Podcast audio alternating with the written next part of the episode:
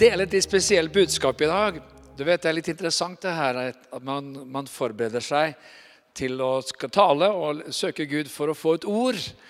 Og så fikk jeg et veldig sånn distinkt ord når jeg forberedte meg i uka som var. Og det ordet jeg fikk, det var 'du skal tale om tyven'. Så det er overskriften på budskapet her i dag. og det, Jeg vet ikke åssen det er med deg der du sitter nå i sofaen, eller hvor du er. Om du tar notater, eller, men det er i hvert fall en fin, gammel vane å ha. Og følge litt med og slå opp skriftsteder hvis du kan. Eller følge godt med på skjermen.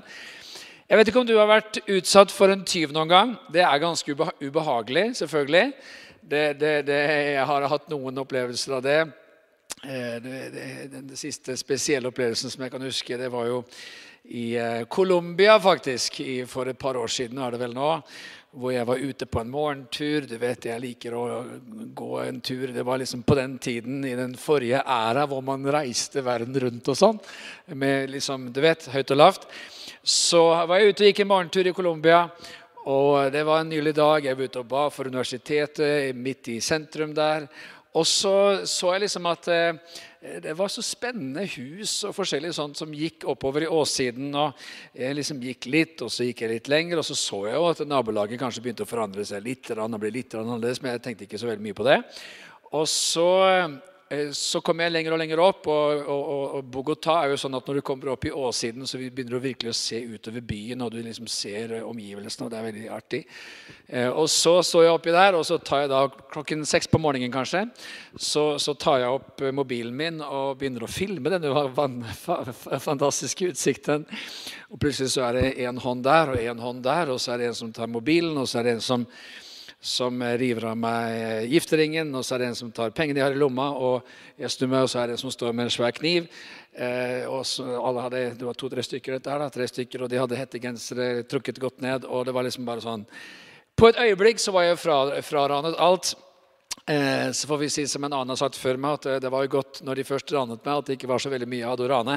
Men eh, det er jo spesielt å liksom oppleve at du, du, du, er ganske skjelven etterpå. For du tenker hva kunne egentlig skjedd nå? Liksom? Du, ble, du ble ranet, du ble frastjålet. Det var en tyv som var ute etter meg. Og han fikk, fikk, fikk i hvert fall med seg litt greier som, som jeg kunne jo erstatte på, på sett og vis seinere, bortsett fra gifteringen. da, men men det var ubehagelig. Eh, det som er interessant, er jo at djevelen kalles for en tyv. Og Vi leser om han i disse ganske kjente versene i Johannes kapittel 10. Så leser jeg i, i sammenheng her fra vers 1. Sannelig, sannelig, sier dere, den som ikke går inn i fårekveen gjennom døren, men stiger over et annet sted, han er en tyv og en røver. Men den som går inn gjennom døren, han er fårenes hyrde. For ham lukker dørvokteren opp. Fårene hører hans røst, og han kaller sine får med navn og fører dem ut. Når han har fått alle sine får ut, går han foran dem, og fårene følger ham, fordi de kjenner hans røst. Men en fremmed vil de ikke følge. De vil flykte fra ham, for de kjenner ikke de fremmedes røst. Denne lignelsen fortalte Jesus til dem, men de skjønte ikke hva det var han talte til dem om. Jesus talte da igjen, sannelig, sannelig, sier dere, jeg er døren inn til fårene. Alle de som er kommet før meg, er tyver og røvere. Men fårene hørte ikke på dem. Jeg er døren. Om noen går inn gjennom meg, skal han bli frelst, og han skal gå inn og gå ut og finne føde. Tyven kommer bare for å stjele og myrde og ødelegge. Jeg er kommet for at de skal ha liv og ha overflod. Jeg er den gode hyrde. Den gode hyrde setter sitt liv til for fårene.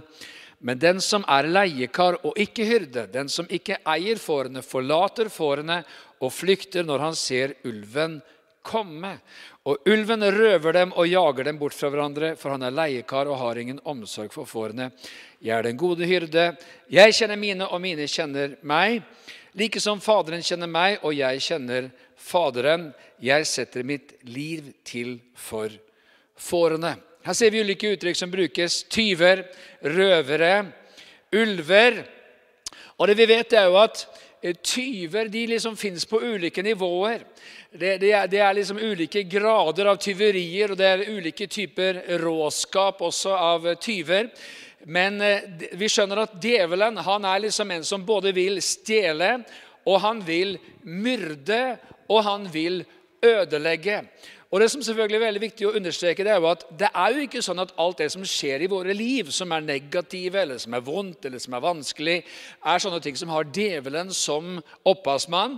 Vi vet at vi roter det til. Jeg mener, Våre egne dumheter kan få oss inn i de utroligste problemer. Vi lar vårt kjøtt få dominere oss. Vi er egoistiske og havner i krangler. Og vi kan også selvfølgelig oppleve lidelse og forfølgelse for vår tro. Vi kan oppleve dårlige omstendigheter, vi kan oppleve sykdom og plager. Altså Det fins veldig mange ting som oppleves i livet som ikke har noen ting med djevelen å gjøre. Men like fullt er Bibelen tydelig på at vi skal være oppmerksomme på at vi har en fiende som gjør alt han kan for å stjele, for å myrde og for å ødelegge. Han vil stjele ditt liv, han vil myrde, ødelegge ditt liv, din helse, din frelse. Absolutt alt du er og alt du har, er det en fiende som er ute etter å få has på. Okay? Så jeg håper du liksom er våken der du sitter. Jeg håper du liksom følger med her. For det er viktig at du er klar over dette. Vi har en motstander. Han heter djevelen. Han er en tyv. Og Vi skal lese litt videre om dette, denne motstanderen som da kalles for tyven. Han kalles for en brølende løve, skal vi straks se. Han kalles for våre brødres anklager. Han kalles for Satan, for djevelen, den store dragen, den gamle slangen. Han har en ånde her med seg, og han søker å finne noen han kan oppsluke, er også Bibelens ord. I 1. Peter kapittel 5 og vers 8 så står det:" Vær edrue Våk! Det er jo bra at Peter skriver dette til kristne. Kristne forventes å være edrue, med andre ord. Det skjønner vi at det er på den ene og andre måten. Deres motstander, djevelen, går omkring som en brølende løve og søker noen han kan oppsluke. Du vet, Det er jo litt sånt eh, at man kan oppleve i, i Kristi kropp at til ulike tider så er det ulike betoninger av ulike ting og at eh, dette som har med den åndelige kampen og liksom, eh, demoners virksomhet og, og, og djevelens gjerninger osv. I, i visse tider har liksom vært eh, fokusert mye. Eh, og da kanskje også så mye, for det ble en åpenbaring for noen, at noen tenkte men it's too much, det er for mye. Eh, glem nå alt det som har med djevelen å gjøre. Det holder at vi som en sa, vi har oppdaget fienden, og det er meg selv. Og det er helt riktig. Vi har jo vi har liksom eh, kamp mot vårt eget vår egen svakhet og vårt eget kjøtt osv. Men, men så er det veldig viktig at man da ikke heller glemmer, og det er kanskje der vi har kommet nå i vår tid, at liksom, Nei, men come on, hvem snakker egentlig om djevelen? Det blir liksom litt, sånn, litt sånn mørkt og dumt og vanskelig. og eh, For all del, liksom. Jeg kan jo ikke liksom invitere en eller annen venn på et møte, og der kommer du og liksom snakker om djevelen. Nei, vet du hva? Det er faktisk bra for oss å være klar over, og det er bra for denne verden å være klar over, at det fins en ond kraft, det fins en ond djevel som er virksom. Bibelen sier at hele verden ligger i det onde. Og, og, og, du vet, Det som er spesielt også, det er at det ofte er sånn at det skjer et eller annet forferdelig, og så sier mennesker ja, 'Hvor er nå Gud i alt dette?' Og Da er det viktig å skjønne at Gud er ikke i alt dette. Det fins en djevel, det fins en ond djevel som er kommet for å stjele og for å myrde og for å ødelegge. Og Det interessante når han kalles for en brølende løve, så vet vi jo Jeg vet ikke om du har sett på sånne naturfilmer. har du sikkert sett. Det er en av de tingene som jeg virkelig liker å se på på TV. Jeg blir liksom aldri mett av sånne fantastiske, nydelige naturfilmer eh, hvor man liksom bare ser skaperverket. Jeg bare, ja, uff, jeg liker det. Men det er liksom bare å se en eller annen løve som liksom ligger der. og Det er jo liksom ikke en eller annen løve som bare liksom kommer gående rett bort til gasellen liksom, og sier 'Hello, I'm Mr. Lion. I'm gonna kill you'. De, de liksom sniker seg inn på byttet, kråler seg i gresset, gjør seg så usynlige som overhodet mulig. Og bang, så kommer de for å finne noe som denne løven i sannhet kan oppsluke og fortære. Eh, og Det kan jo være noen skvetter når man tenker på at det fins en motstander og det finnes en djevel som faktisk går omkring som en brølende løve og søker noen han kan oppsluke. Og uten at, skal, uten at, vi skal ta det bildet altfor langt, så er det jo selvfølgelig også sånn at det du ser i disse naturfilmene, er jo at eh, løven ynder å prøve å finne et eller annet dyr som har rotet seg bort fra flokken. vet du. Ikke sant? En som liksom Oi, hva skjer der borte? Flokken er der, men jeg er der. Og så blir man alene, og så blir man svak. og og, og det, det, er av og til også sånn som den onde arbeider, men vi skal liksom la det, det bildet ligge enn så lenge. Men det fins en motstander, og han er som en brølende løve som søker noen han kan oppsluke. Vi skal se noen vers til om hva Bibelen sier omkring dette. Fordi i Efeserbrevet 6 så står det at vi skal ta på Guds fulle rustning. og Det kommer vi litt mer tilbake til senere. Men det står at vi skal kunne da holde stand mot djevelens listige angrep. Så han er som en brølende løve, men han har listige angrep. Og I 2. Korinterbrev kapittel 11 så står det at vi ikke skal bli overlistet av Satan. For hva han har i sinne, det er vi ikke uvitende om. Og det her er veldig viktig, fordi eh, som sagt, som jeg begynte med å si, så, så kan vi utmerket få oss inn i alle mulige slags problemer på egen hånd. Det vet vi. Men så er det også sånn at eh, hvis vi ikke er klar over, sånn som det står her Hvis vi er uvitende om hva han har i sinne, så kan man også se kristne som, som blir lurt, som blir overlistet, og som ikke skjønner at, at den onde eh, forsøker å ødelegge. Jeg mener, eh, Kristne som kan oppleve at det liksom Oi, oi, oi, plutselig så begynner liksom ekteskapet å knake litt i, i sammenføyningene her. Og, eh, og, det er liksom en fyr på jobben som eh, legger an på den dama. ikke sant? Og, og, så skjer det noe parallelt i den mannens liv, og så skjer det, og så skjer det. Og så det. Og så liksom Plutselig så kan man bare oppleve at det, det, det er bare ting som, som, akselererer, og som er bare fullstendig ute av kontroll. Og du har folk som, som, som, har levd med Jesus lenge, og som tror på Jesus, og som har gitt seg til han, og som er døpt til Kristus, og som er en del av en menighet, og som allikevel liksom nesten kan gå rundt i svime, og som ikke fatter og begriper at djevelen er ute etter å stjele og myrde og ødelegge.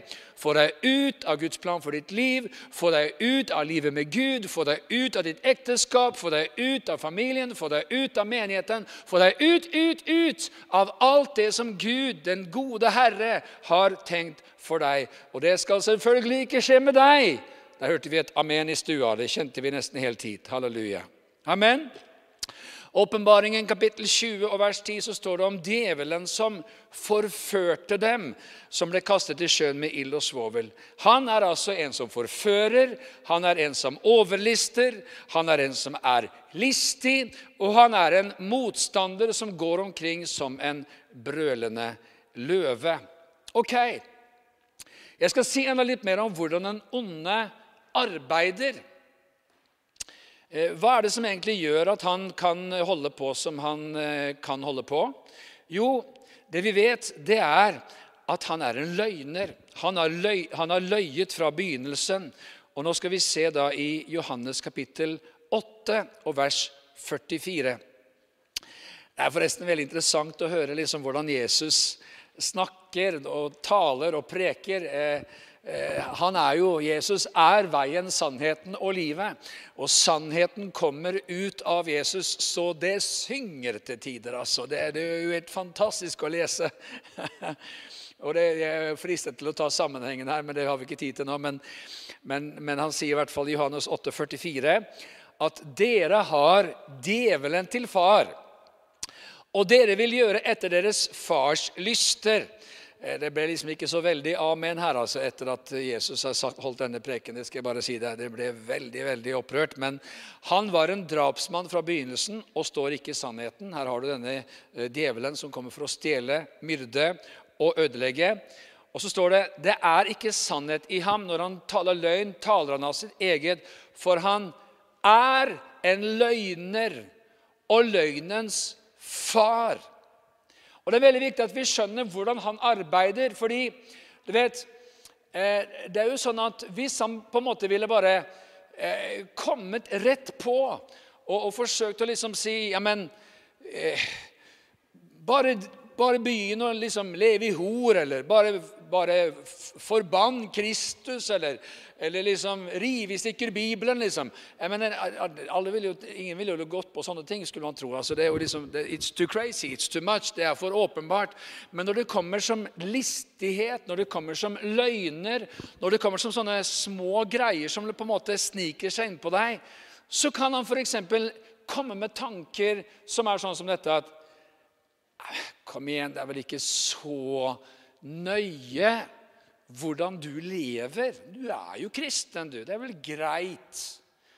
Det er vel ikke så viktig å lese Bibelen. Hallo, slutt med maset, liksom. Det er jo bare krav, krav, krav. Du må jo liksom ikke lese Bibelen hele tiden. Du er jo en kristen. Eller det er vel ikke så viktig med menighetene. Men du er jo en kristen, du. Du trenger liksom ikke løpe ned liksom, eh, dette menighetslokalet. Når ble det så viktig, liksom? Eller eh, Det er ikke så nøye med, med altså, Han har jo en sånn lang rekke med ting som han gjør, det som han på en måte alltid har gjort siden begynnelsen. Han forsøker å vri om på Guds ord, eller forsøke å stille spørsmål ved Guds ord. Han har liksom ingen nye knep. Det er akkurat som i Edens hage. Så sier, så sier slangen, 'Har Gud virkelig sagt?' Han, setter, han så tvil over hva Guds ord eh, sier, eller for, forvrenger det, eller vrir på det for å forføre mennesker, slik at du egentlig ikke skal forstå hva det er som faktisk skjer. I Lukas kapittel 8 og vers 12 så står det at de ved veien og Dette er jo lignelsen om såmannen, som vi har hørt en hel del om her de siste uker. De ved veien er de som hører, men så kommer djevelen og tar ordet bort fra deres hjerte, for at de ikke skal, bli, skal tro og bli frelst. Og Det som jeg syns er litt interessant etter, etter mange år med Herren og etter mange år i tjeneste Jeg husker at I begynnelsen av, av, livet med Gud og i tjenesten så tenkte jeg at ja, men det der er vel typisk bare noe som skjer for den som er en nyfrelst. At liksom, eh, man forkynner evangeliet, og folk får høre. Og så er det sånn at dessverre så er det sånn at den, den onde fjerner eller tar, stjeler ordet fra noen som da ikke blir stående i troen. Og så er det liksom noen andre som, som, eh, som faller i god jord, og, så, som det går bra med osv. Men jo lenger jeg har levd med Jesus, jo, jo merkeligere syns jeg det er å se at, at, at, den onde han kan stjele noe som tilhører deg, en sannhet, en åpenbaring, noe som er betydningsfullt, noe som er viktig, fra folk som har fulgt Jesus så lenge. Fra folk som kanskje har hatt troen på Herren et helt liv, eller 10 år, 20 år, 30 år. Lenge, lenge, lenge. lenge, Så kommer den onde og forsøker å liksom finne en slags sprekk i rustningen, så man kan komme inn og, og, og liksom med sine piler. Eller han prøver å finne en måte hvor han kan stjele ordet forhør. Det står djevelen tar bort ordet for at de ikke skal bli tro og bli frelst. Kan han nemlig stjele ordet, så kan han også få stjålet troen. Mm -hmm. Og, Derfor er det veldig viktig å være klar over det at vi lever i en tid hvor den onde jobber på høygir for å få Guds menighet. Jeg mener, Én ting er de som ikke kjenner Jesus. Eh, de, de har, der, der fins det jo ingen åpenbaring å stjele. De som allerede er forblindet, som, som, Bibelen taler om, det er jo ikke de han går etter sånn. De, de har han jo. De er jo djevelens barn, sier Guds ord. Det, det er jo veldig sånn rett fram, det her. Det er det som Bob Dylan synger i en sang. You gotta serve somebody. It may be the devil or it may be the Lord, but you gotta serve somebody. Sitat slutt av Bob Dylan. Men poenget er han er ute etter de som følger Jesus, for det er de som følger Jesus, som kan redde andre fra fortapelse ved det at de gir dem evangeliet. Og De er jo kalt til å være verdens lys. Vi er kalt til å være jordens salt. Guds menighet er kalt til å være, eh, være verdens støtte og grunnvoll. ikke sant? Derfor er det så viktig at vi skjønner at den onde kommer for å stjele ordet. Vi går til Lukas kapittel 4 også, hvor vi leser denne spesielle historien om hvordan Jesus ble fristet. Og Det er jo noe som den onde fortsatt gjør. Han frister. Fylt av Den hellige ånd, står det, vendte Jesus tilbake fra Jordan. Og han ble av ånden ført omkring i ørkenen. I 40 dager ble han fristet av djevelen. I disse dagene spiste han ikke noe, og da de var til ende, ble han sulten. Da sa djevelen til ham, 'Er du Guds sønn, da si til denne steinen at den skal bli til brød.' Jesus svarte ham, 'Det står skrevet.' Og Det er en egen lærdom i det ved å følge Jesus på også dette. Det står skrevet, 'Mennesket lever ikke av brød alene, men av hvert Guds ord'. Djevelen førte ham da opp på et høyt fjell og viste ham alle verdens riker i et øyeblikk. Og djevelen sa til ham, 'Til deg vil jeg gi makten over alt dette og disse rikenes særlighet.' For til meg er det overgitt, og jeg gir det til hvem jeg vil. Om du bare vil falle ned og tilbe meg, da skal alt sammen være ditt. Men Jesus svarte og sa til ham, det står skrevet, Herren din Gud skal du tilbe, og ham alene skal du tjene. Så førte han ham til Jerusalem og stilte ham på tempelets øverste hjørne. Og han sa til ham, Er du Guds sønn, så kast deg ned herfra. For det står skrevet, Han skal gi sine engler befaling om deg, og de skal bevare deg. Og de skal bevare deg på hendene for at du ikke skal støte din fot mot noen stein. Men Jesus svarte og sa til ham, det er sagt, du skal ikke friste Herren din Gud. Da djevelen hadde fullført hele fristelsen, gikk han bort fra ham inntil en laglig tid. La oss på den ene siden legge merke til det Jesus gjør. Han svarer djevelen med Guds ord. Men la oss også se hvordan djevelen kommer med løgn. Hvorfor det? Jo, for hva sier Jesus i Matteus 28, 18? Han sier, 'Meg er gitt all makt i himmel og på jord'. Men hva sier djevelen?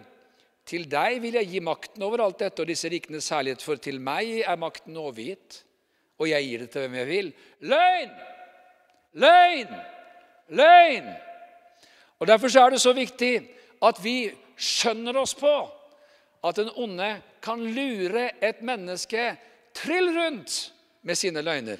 Nå skal ikke jeg si det for at du skal bli nervøs. Jeg skal komme videre her ganske snart til å si hvordan vi skal kunne håndheve Jesu Kristi seier over djevelen i våre liv. Men Efeserbrevet 4,27 sier, 'Gi ikke djevelen rom'. Så det er også mulig for oss å gi etter for ham. Det er også mulig for oss å la på en måte vårt kjøtt og våre kjødelige handlinger skape en slags sånn landingsstripe for den ondes gjerninger. I 1. Timoteus 5 vers 15 så står det at det allerede er noen som har vendt seg bort og følger Satan. Så det er med andre ord ikke sånn at har jeg, med, har jeg en gang blitt frelst, så vil jeg for automatisk forbli frelst resten av livet. Sånn er det ikke. Derfor er det så viktig at vi skjønner at den onde han vil ta mennesker bort fra troen. Han vil ødelegge ekteskap. Han vil splitte brødre og søstre. Hans navn er splitteren, djevelen, diavolos. Han vil splitte brødre og søstre som Gud har kalt til å stå sammen, fra hverandre. Og han vil få dem til å reise seg opp mot hverandre. Han vil splitte, ødelegge, drepe, forgjøre eh, menigheter osv. Så sånn arbeider den onde. Og hvis den onde til og med kan klare å få kristne brødre og søstre til å stå opp imot hverandre, til å krangle så busta fyker, gjerne i full offentlighet, og, og, og, få alt sammen til å bare ryke i alle sømmer, ja, men så må vi skjønne at det er splitteren som er på ferde. Ok, det neste jeg skal si noe om, det er at vi er gitt autoritet til å håndheve Jesus' seier over djevelen. Og det er gode nyheter at vi er over og ikke under. At Jesus Kristus har vunnet en fantastisk seier. Wow! Det er gode nyheter, skal jeg bare si deg. Oi, oi, oi. oi. Efeserbrevet kapittel 6, så skal vi lese dette avsnittet som handler om denne åndelige striden som vi står i. Vers 10 så står det for øvrig bli sterke i Herren og i Hans veldige kraft. Ta på dere Guds fulle rustning, så dere kan holde stand mot djevelens listige angrep. Nå bare kommer jeg til å tenke på en liten sånn ting her, og det er jo at det, Vi er jo i samme båt rundt omkring i hele verden her nå, ikke sant? Hvor, hvor mange mennesker bare står og har digitale gudstjenester og taler til kameraene. Og da plutselig så skjønte jeg det akkurat nå, jeg har aldri tenkt på det før, men, men norske predikanter har jo en fordel, for de er jo vant til at det er helt stille i salen uansett. egentlig. Mens, mens, jeg mener folk som eh, har digitale gudstjenester i Brasil og i Amerika, og sånn, de må jo nesten flytte på veggen, vet du, for de er vant til at liksom Say it like it is! Come on! Preach it, pastor! Oh, amen! Glory! Hallelujah! Praise God! De er liksom vant til at søster Emma sitter med tamburinen på tredje rad, vet du, og der er jo ikke vi helt enda, så at, eh, sånn sett så, så går dette kanskje ganske greit. Ok, vi Halleluja. Det er en liten åpenbaring som kommer her akkurat nå. Eh, vi leser videre da. Vi, tar det en gang til, forresten, så kommer predikanten på sporet. For øvrig, bli sterke i Herren og i Hans veldige kraft. Ta på dere Guds fulle rustning, så dere kan holde stand mot djevelens siste angrep. For vi har ikke kamp mot kjøtt og blod, men mot maktene, mot myndighetene, mot verdens herskere i dette mørket, mot ondskapens ånde her i himmelrommet. Og så er jeg så glad for at det ikke er liksom Punktum. Takk for i dag. Farvel. Ha et godt liv. Men så kommer vers 13. Ta derfor på Guds fulle rustning, så dere kan gjøre motstand på den onde dag. Og bli stående. Og så kommer et fantastisk ord. Etter å ha overvunnet alt. Ikke litt, ikke nesten, ikke bare av og til. Men det står faktisk at det er mulig å bli stående etter å ha overvunnet alt. Halleluja. Så når vi snakker om den åndelige kampen, så er ikke det et nederlagsbudskap. Et slags sånn eh, Forsøk å gjemme deg, finn deg en krok, grav deg ned, for djevelen er på ferde. Nei, det er et fantastisk budskap om at vi er Yes, vi har en kamp. Yes, vi står i en strid. Ja, men Jesus han har vunnet en seier, og den seieren har blitt vår seier. Og vi er kalt til å håndheve den seieren og til å bli stående etter å bli over, overvunnet alt. Så min kjære venn, du skal bli stående. Yes! Det skal du virkelig. Du skal bli stående. Stå da ombundet med sannhetens belte om livet og være iført rettferdighetens brynje. Og Nå skulle jeg ønske at jeg kunne hatt et sånn skikkelig dypt bibelstudium og være bidig del av rustningen. Det har jeg ikke tid til her på denne søndag formiddag, men litt får vi i hvert fall sagt. Ha som sko på føttene den beredskap som fredens evangelium gir. Grip fremfor all troens skjold, så dere kan slukke alle den åndes brennende piler. Ikke noen, ikke en og annen, men alle den ondes brennende piler. Ta frelsens hjelm og åndens sverd, som er Guds ord. Be til enhver tid i ånden med all bønn og påkallelse. Vær årvåken i dette. Med all utholdenhet i bønn for alle de hellige. Her ser vi beskrevet hvilke herlige våpen vi har. Og det I'm alone in this church, but I'm getting excited. I'm preaching to the cameras. There's no one around, but I feel like throwing my jacket away. Hallelujah, because we've got the victory. Yes, yes. Vi har seier. Vi har seier. Vi har seier. Vi har seier. Vi har seier. Hallelujah. Amen.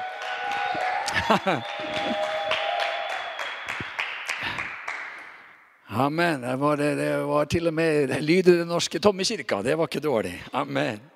Først Johannes kapittel 3 sier den som gjør synder av delen, for djevelen synder fra begynnelsen. Til dette ble Guds sønn åpenbart for at han skulle gjøre ende på djevelens gjerninger. Wow, halleluja. Først Johannes 4 sier at hver ånd som ikke bekjenner Jesus, er ikke av Gud. Dette er antikristens ånd, som dere har hørt skal komme. Og den er allerede nå i verden.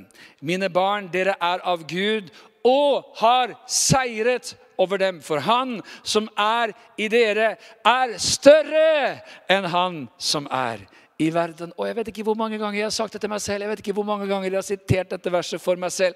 Hvor mange ganger jeg har liksom bare tygget på det, kost meg med det. Mm meditert på det, grunnet på det, talt ut. Han som er i meg, er større enn han som er i verden. Større enn dette angrep. Større enn disse, disse, denne motstand. Større enn motløsheten som kommer mot henne. Større enn frykten som banker på døra. Større enn elendige omstendigheter. Større, større, større, større enn alle disse ting. Han som er i meg, er nemlig Jesus Kristus. Amen. Og Romerbrevet 8 sier at han som reiste Kristus Jesus opp fra de døde, han, hvor mye mer skal ikke han levende gjøre deres dødelige legemer? Kan, kan du tenke deg? Oppstandelseskraften fra Jesus er i oss.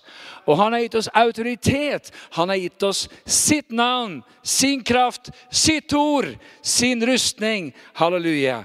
I striden, og derfor kan vi vinne. Hvilket ikke vil si at det ikke er noen kamp å kjempe. Mm. Jeg mener, Du kan jo oppleve at det er som det, det bare suser rundt øra. Det er liksom bang, bang, bang, bang. bang. Det, det, bare, det, bare, Du kan liksom tenke av og til at det er djevelens mitraljøse. Men da er det godt å vite at 1. Johannes 5, 4 sier at alt det som er født av Gud, seirer over verden, og dette er den seier som er seiret over verden, vår tro. Hvem er den som seirer over verden uten den som tror at Jesus er Guds sønn?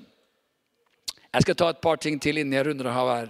Lukas kapittel 10 så har vi denne fantastiske historien om de 70 som kommer glade tilbake og sier, 'Herre, til og med de onde åndene adlyder oss i ditt navn. Det er jo en helt nydelig greie.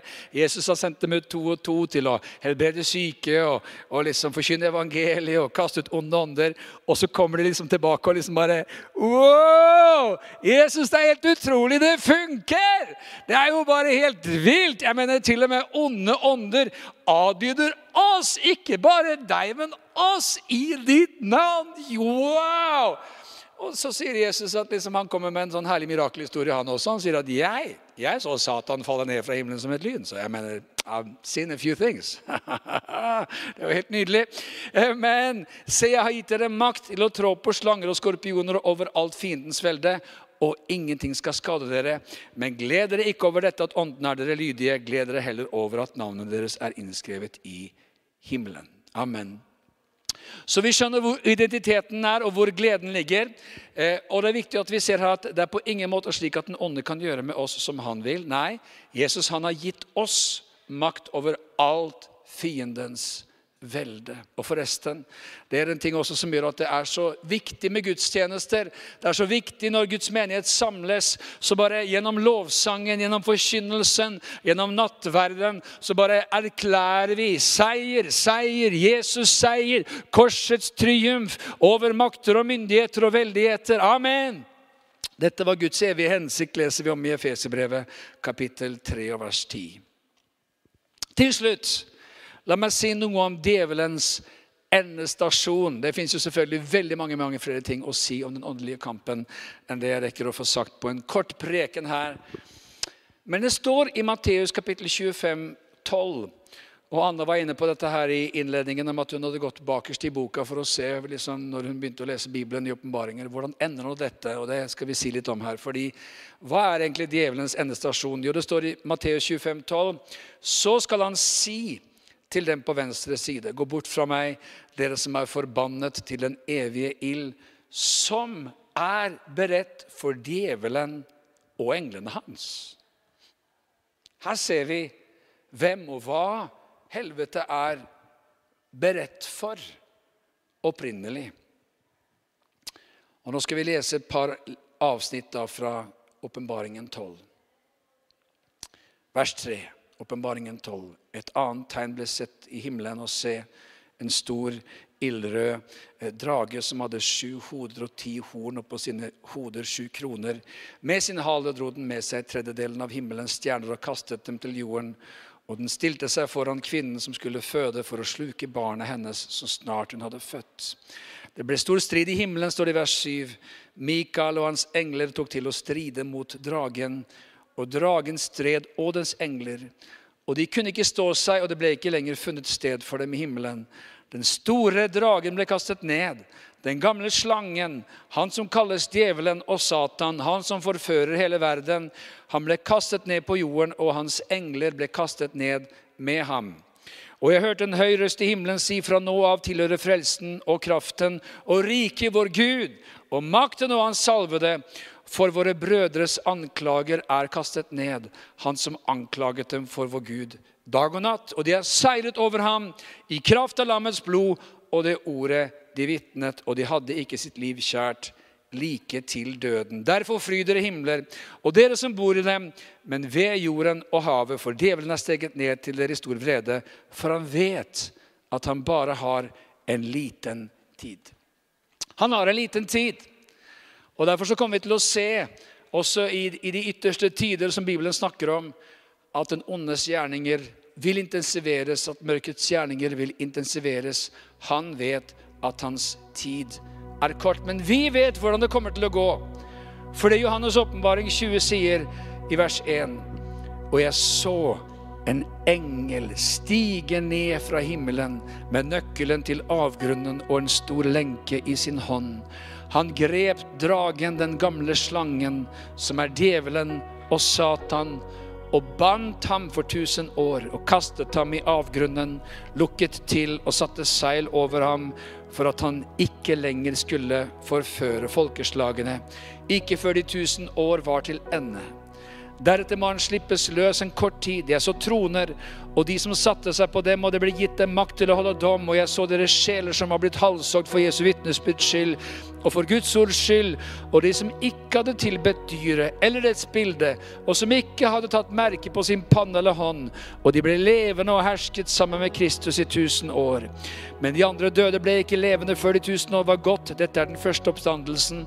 Salig og hellig er den som har del i den første oppstandelsen. Over dem har den annen død ingen makt. De skal være Guds og Kristi prester og regjere med ham i tusen år. Og når de tusen år er til ende, skal Satan løses fra sitt fengsel. Han skal gå ut og forføre folkeslagene ved jordens fire hjørner, Gog og Magog, for å samle dem til strid, og tallet på dem er som havets sand.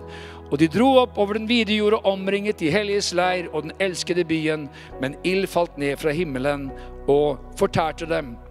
Og djevelen som forførte dem, ble kastet i sjøen med ild og svovel, hvor også dyret og den falske profeten var. Og de skal pines dag og natt i all evighet. Her ser vi Jesu endelige eh, håndheving av denne seieren som ble vunnet på korsets tre. Og vers, sier, eh, vers 11 sier jeg så en stor hvite trone, og han som satt på dem. For hans åsyn vek jorden og himmelen bort, og det ble ikke funnet sted for dem. Og jeg så de døde, små og store, stå for Gud, og bøker ble åpnet, og en annen bok ble åpnet, som er livets bok. De døde ble dømt etter det som var skrevet i de bøkene, etter sine gjerninger. Havet ga tilbake de døde som var i det, og døden og dødsriket ga, ga fra seg de døde som var i dem. Og de ble dømt hver etter sine gjerninger, og døden og dødsriket ble kastet i ildsjøen. Dette er den annen død, ildsjøen. Og hvis noen ikke ble funnet innskrevet i livets bok, ble han kastet i ildsjøen. Her ser vi de dramatiske versene i avslutningen av Bibelen, i avslutningen av åpenbaringsboken. Vi ser hvordan det skal ende. Vi ser at djevelen er den som er tiltenkt denne ildsjøen, denne fortapelse. Og vi ser at uh, Gud har en plan, en redning, en vei. Han har noe som heter livets bok, som, som, hvert menneske kan skrives inn i, uh, som har sitt navn, som har tatt imot Jesus som sin frelser og sin herre, og som har blitt renset i Jesu blod. Han vil ikke at noen skal gå fortapt, men at alle skal komme til sannhetens erkjennelse. Så hvis du ser på denne sendingen som ikke kjenner Jesus, så vil jeg si til deg, sørg for at du er på det rette partiet. Sørg for at du har Jesus som Herre. Sørg for at du avsier deg djevelens gjerninger. Sørg for at ikke ditt endemål blir djevelens endemål. For Jesus Kristus, han er verdens frelser. Og Johannes sier i kapittel 3, vers 16, for så har Gud elsket verden, at han ga sin sønn den eneste, for at verden som tror på han, ikke skulle gå fortapt, men ha evig liv. Det evige livet kan du få. Du trenger ikke å gå fortapt, men du kan få ta imot frelse og evig liv. Så hvis du trenger å ta imot Jesus, så kan du faktisk få lov til å bekjenne troen på Jesus akkurat nå. Det skal vi gjøre her ved en trosbekjennelse som vi får lov til å bekjenne sammen. La oss si det. Jeg tror på Gud Fader, den allmektige, himmelens og jordens skaper. Jeg tror på Jesus Kristus, Guds enbårne sønn, vår Herre, som ble unnfanget ved Den hellige ånd, født av jomfru Maria, pint under Pontius Pilatus, korsfestet, død og begravet. For ned til dødsriket, sto opp fra de døde tredje dag for opp til himmelen, sitter ved Guds, den allmektige Faders, høyre hånd. Skal derfra komme igjen for å dømme levende og døde. Jeg tror på Den hellige ånd, en hellig allmennkirke. De hellige samfunn, syndenes forlatelse, legemets oppstandelse og det evige liv. Amen.